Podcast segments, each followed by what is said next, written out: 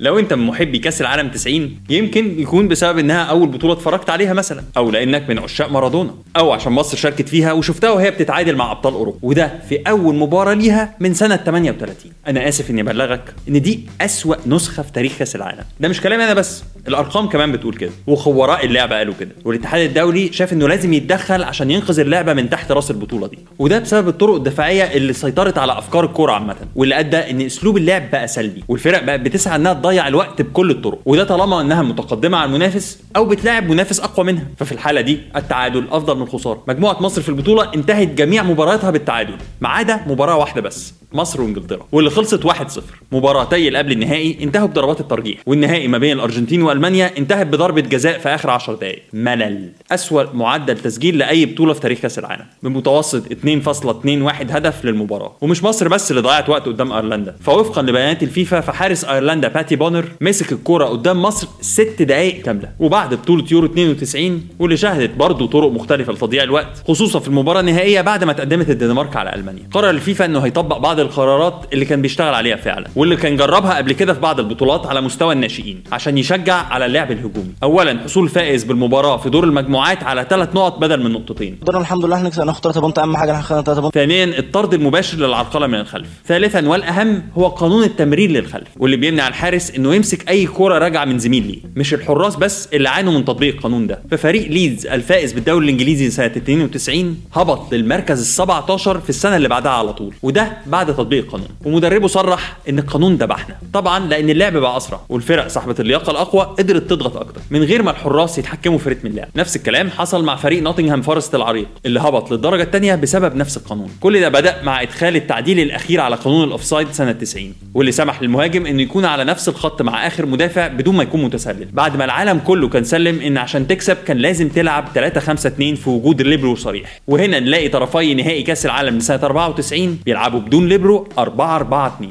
وهم طبعا البرازيل وإيطاليا. هتقول لي إن نهائي 94 ما فرقش كتير عن ماتشات 90 المملة. بس في المجمل مفيش شك إن البطولة اتسمت بكوره أفضل بكتير. وهنا بقى نيجي للترند الجديد وقتها. 4 4 2 جت منين؟ الإجابة برضو موجودة في نفس المباراة النهائية. جت على إيد المدرب الإيطالي الغير تقليدي بالمرة بائع الأحذية أريجو ساكي.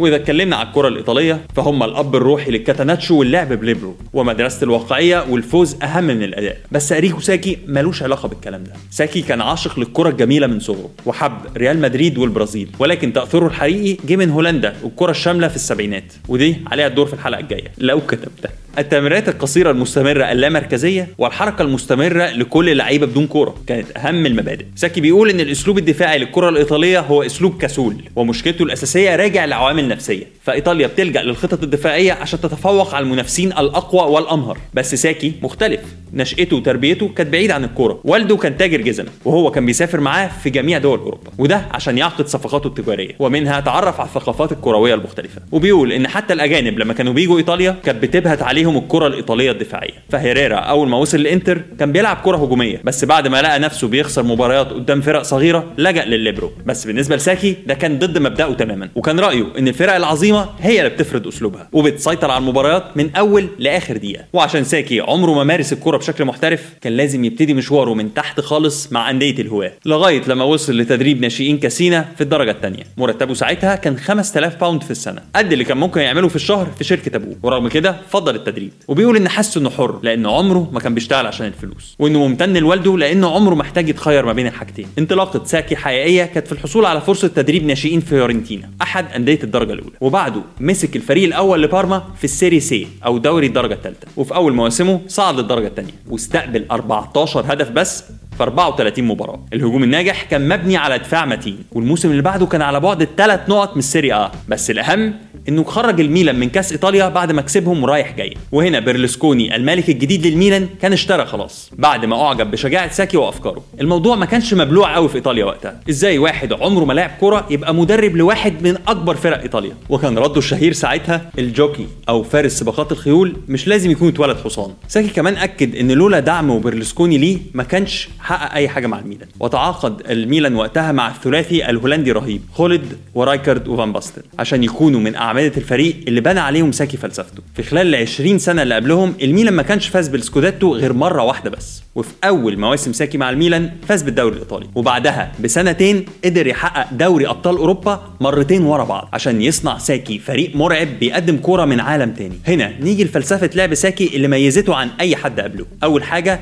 دفاع المنطقة. كل لاعب مسؤول عن الدفاع عن منطقته واللي اتعرف بال zone ال marking. ودي كانت فكرة ثورية وقتها بدل الرقابة الفردية ال man marking. قبل كده الفرق كانت بتحط الليبرو ورا وكل لاعب كان مسؤول عن ال man بتاعه. ساكي بيقول إن الفرق الرئيسي ما بينه وما بين الكرة الهولندية اللي اتأثر بيها هو إن الكرة الهولندية بتعتمد بشكل رئيسي على اللياقة البدنية. بس بالنسبة لنا الموضوع تكتيكي أكتر. كل لاعب لازم يبقى في مكانه الصحيح ولازم يهتم بأربع نقط الكرة المساحة والخصم وزمايله. حركة الفريق لازم تبقى في تناغم تام وتحط في اعتبارها الأربع نقط دول. اللاعب لازم يبقى واعي بكل النقط دي وهو بيعمل كل حركة. فكرة الضغط على الخصم مش في الجري الكتير والقوه البدنية بس. الفكرة الأساسية هي التحكم في المساحة. أنا عايز كل لاعيبتي يحسوا إن هم أقوياء ويحسسوا الخصم إن هم ضعفاء. جميع ال 11 لاعب لازم يكونوا في وضع فعال ويأثروا في اللعب بدون كورة. كل لحظة لازم تبقى في خدمة الهدف الجماعي والجميع يتحرك كوحدة واحدة. لو الباك اتحرك لقدام باقي اللعيبة لازم يعدلوا مراكزهم. الناس كانت شايفانا فريق من العمالقة. كل ده بسبب التمركز الصح والحركة السليمة. وكان عندنا كذا نوع من الضغط خلال المباراة. في الضغط العادي بتاع الالتحامات وفي الضغط الشرس لما نكون عايزين الكورة وفي الضغط الوهمي لما نتظاهر إننا بنضغط ولكن في الحقيقة إحنا بنعدل أوضاعنا في الملعب. قبل مواجهة اللي قبل النهائي في ال Champions League ريال مدريد بعت حد عشان يتابع تدريب الميلان. الكشاف رجع وقال في تقريره إن الفريق لعب مباراة على الملعب كامل ب 11 لعيب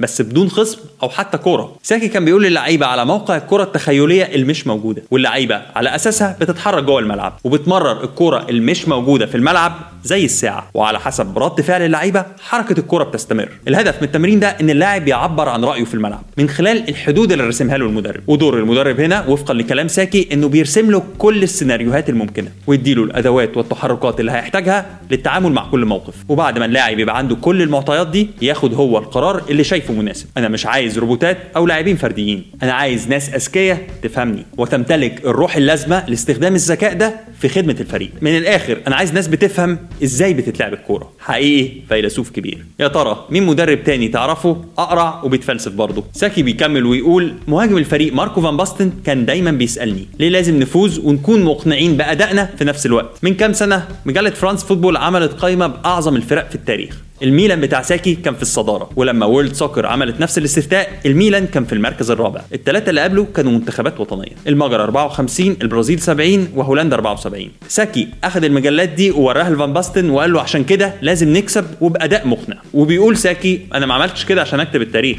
أنا عملت كده عشان أدي الناس 90 دقيقة من المتعة. ومش المتعة اللي جاية من المكسب بس ولكن المتعة اللي جاية من الأداء وإنك تكون شاهد على حاجة مميزة أنا عملت كده عشان ده شغفي. أنا شخص عنده أفكار كان حابب يعلمها لغيره المدرب الجيد هو كاتب السيناريو والمخرج في نفس الوقت وفريقه لازم يعكس ده. أهم حاجة عند ساكي هي النظام. كرة القدم ليها سيناريو وممثلين ولو كانوا ممثلين بارعين هيقدروا يحللوا السيناريو ده من خلال الحوار الإبداعي. بس لسه لازم يلتزموا بالسيناريو. وما فيش شك إن كاتب السيناريو هو المدرب وما ينفعش تخرج عن نصه. وهو الوحيد القادر على تطويرهم وأثبت اللاعبين ده بشكل عملي. وبيكمل ساكي وبيقول جبت جوفاني جالي في حراسة المرمى مالديني وتاسوتي وباريزي وكوستا كورتا في ناحية. وفي الناحية الثانية 10 لعيبة. ضعف عددهم. خوليت وفان باستن ورايكارد وفيرديس وإيفاني وأنشيلوتي وكولومبو ودونادوني. ولانتينيوتي ومناري وكان قدامهم ربع ساعة عشان يسجلوا هدف في الخمس لعيبة بتوعي. والشرط الوحيد إننا لو نجحنا في الاستحواذ على الكرة يبدأوا من الأول تاني في نص ملعبهم. وكنت بنفذ التدريب ده طول الوقت. وعمرهم ما نجحوا ولا مرة ان هم يسجلوا هدف واحد.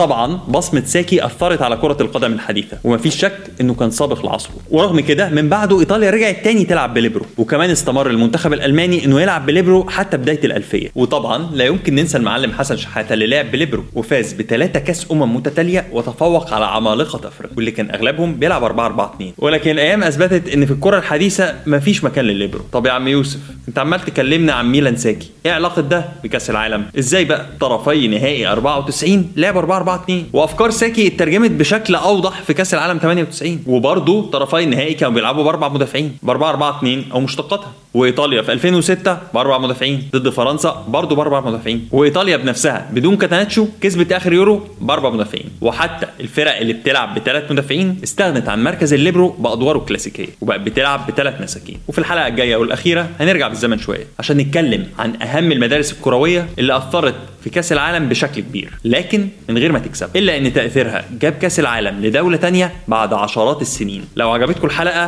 ما تنسوش تعملوا لها like و share و subscribe إحنا موجودين على يوتيوب وفيسبوك وجميع قنوات البودكاست. كنا معاكم وبرنامجكم كورة شراب.